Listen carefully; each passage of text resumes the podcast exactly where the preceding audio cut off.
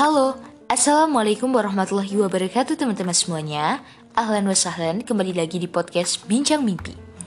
Hari ini, aku ingin bahas sesuatu yang terkadang sangat ingin kita lakukan Tapi lebih sering kita undurkan Yaitu tentang produktif. Pernah nggak sih teman-teman berada pada poin Aku tuh ingin banget produktif Tapi nggak bisa Atau udah ingin banget ngerjain sesuatu tapi ya udah besok aja, kan masih lama juga. Contohnya PR gitu kan. Iya, aku yakin banget teman-teman, kita tuh ingin sehari-hari kita tuh dipenuhi dengan hal-hal yang baik.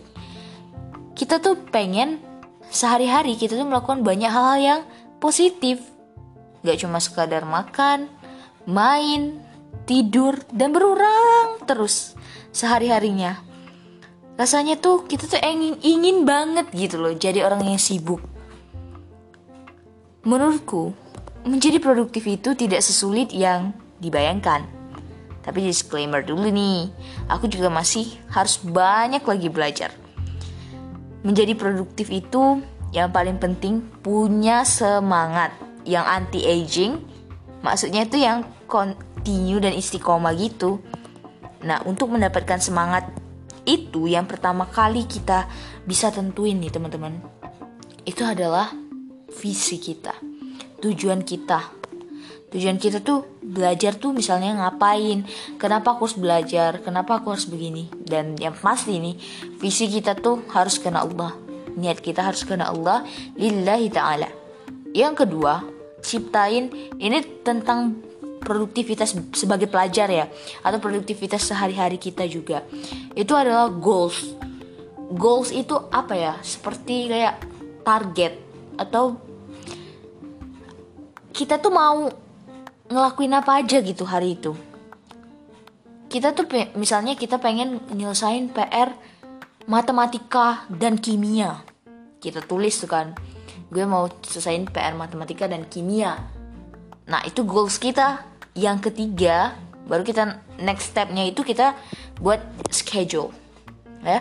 Kita buat to do list kita buat weekly planners kita buat whatever yang bisa mengatur jadwal kita. Pokoknya scheduling gitu teman-teman. Kayak journaling tapi tentang mengatur waktu-waktu kita. Tulis di kertas apa aja yang pengen kita lakukan atau bisa catat di HP biar lebih murah. Tapi aku belum bisa mengatakan bahwa HP itu memang seefektif itu tapi lebih aku lebih prefer untuk nulis teman-teman. Teman-teman bisa buat schedule-nya atau scheduling sesuatu itu di buku khusus ya. Atau teman-teman beli buku khusus untuk itu. Bahkan sekarang udah banyak banget yang kayak tempahan gitu teman-teman biar kita nggak payah lagi buat kotak-kotaknya ataupun semacamnya. Atau teman-teman bisa tulis di HP seperti tadi ya. Tapi memang aku akui HP tidak bisa mengalahkan kertas karena belum bisa mengalahkan kertas karena feelnya beda. Terus kalau aku juga udah coba uh, scheduling di HP pakai aplikasi yang terkenal banget itu Notion. Nah tapi kalau aku gunain aku bandingin ya temen-temen ya. Kayak aku gunain itu sama gunain buku paper gitu ya kertas. Kertas itu jauh lebih baik. Kita tuh kayak kan kita kan menyumbangsikan usaha untuk nulis itu kan tidak semudah ngetik kan. Nulis itu perlu uh, sedikit usaha yang lebih. Maka kita akan lebih menghargai itu menurut aku sih seperti itu. Jadi kita lebih mengerjakan itu dengan menggunakan uh, paper atau kertas. Tapi kalau teman-teman yang suka untuk pakai HP ya silakan teman-teman itu pilihan. Tapi kalau aku prefer pakai buku bandingkan ngetik pakai aplikasi. But kalian bisa memilih sendiri ya. Selanjutnya nih teman-teman, yang kita lakuin lagi adalah dengan men apa ya, mendoktrin atau menstigmatisasi otak kita bahwa pokoknya harus dengan dua kalimat. Pokoknya harus dan yang kedua, lakuin aja. Karena main di otak nih, pokoknya harus aku kerjain ini. Karena kita udah tadi udah punya goals dan udah tahu reason kita melakukan sesuatu itu apa kan. Jadi kita tanam pokoknya harus. Yang kedua ini teman-teman, lakuin aja. Nah, kita tuh nggak usah kebanyakan mikir. Kita tuh kayak malas melakukan sesuatu karena kebanyakan mikir. Gimana ya kalau ini nanti? Gimana ya? Gimana ya? Enggak. So start now. Lakuin aja. Itu udah membantu aku banget kayak misalnya aku lagi males. Ngapain males? Lakuin aja. Langsung kayak tubuh kita tuh bergerak sendiri. Enggak bergerak sendiri sih. But ya. Yeah. Selanjutnya teman-teman. Kurangin dan batasin distraksi. Parah. Detox dopamin itu bang harus banget. Teman-teman kalau kita mau fokus kita nggak bisa main HP kalau kita mau fokus kita nggak bisa main sosmed. Trust me kalau kalian masih main sosmed itu tandanya belum fokus ke pembelajaran. Kalau kalian misalnya di les nih nanti guru nerangin kalian buka sosmed. Terus kalian bilang bahwa aku nih fokus lihat aku bisa fokus kedua hal enggak itu dusta harus fokus itu dengan mengabaikan distraksi. Fokus itu ke satu titik, ke satu tujuan, bukan ke banyak cabang. Maka dari itu teman-teman, kita harus batasi apa ya istilahnya itu detox dopamin.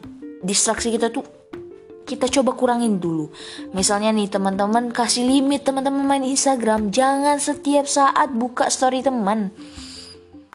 Kita harus atur waktu kita. Misalnya 30 menit aja nih untuk main IG atau lihat story teman. Nggak nggak boleh. Bukan nggak disarankan untuk kita tuh terlalu banyak menghabiskan dan berkecimpung di sosmed. 30 menit itu kelamaan sih. Kayak 10 menit aja sih kita tuh harus tahu teman-teman bahwa sosmed itu diciptakan untuk candu bukan memang banyak positivitas kepositivitasan yang ada di sana, tapi kita harus perhatikan juga dopamin yang bekerja bekerja di otak kita saat kita bermain itu jauh lebih kekal dibandingkan kita mendapatkan positifnya. Positifnya itu dengan mengatur relasi kita di Instagram, mengatur dengan siapa kita follow dan lain-lainnya. Dan kebanyakan nih kalau kita udah berlama-lama terlalu berlama-lama dan berlarut tuh di sosmed, udah gak bisa teman-teman. Pasti bakalan kacau pikiran kita mungkin kita akan semakin insecure terus kita mungkin jadi lebih minder dan kita merasa bahwa dunia maya itu segalanya padahal itu maya. Mana? Dunia tipu-tipu gitu kan? Kayak itu dipresentasiin semua hal yang baiknya saja. Jadi yuk berjalan di kehidupan nyata. Mungkin segitu dulu yang bisa aku sampaikan ya teman-teman ya. Dan untuk melakukan jadi sebenarnya gini teman-teman ya. Ketika kita melakukan suatu hal baik hal-hal lainnya teman-teman akan pula jadi baik. Dan kita akan terus berusaha untuk menjadi baik karena mempertahankan kebaikan itu sendiri dan untuk melakukan kebaikan selanjutnya itu akan jauh lebih mudah karena sudah ada dorongan tumpuan dari awal. Jadi untuk produktivitas selanjutnya jauh lebih easy dilakukan karena istilahnya tuh udah biasa gitu loh. Kayak udah jadi habits mungkin ya. Sampai-sampai nih jadi habits atau kebiasaan kita tuh produktif. Atau kita sering dengar domino effect gitu kan. Mungkin teman-teman tahu domino effect. So, semoga apa yang aku sampaikan bermanfaat ya teman-teman ya. Barakallah udah dengerin. Wassalamualaikum warahmatullahi wabarakatuh. Bye-bye.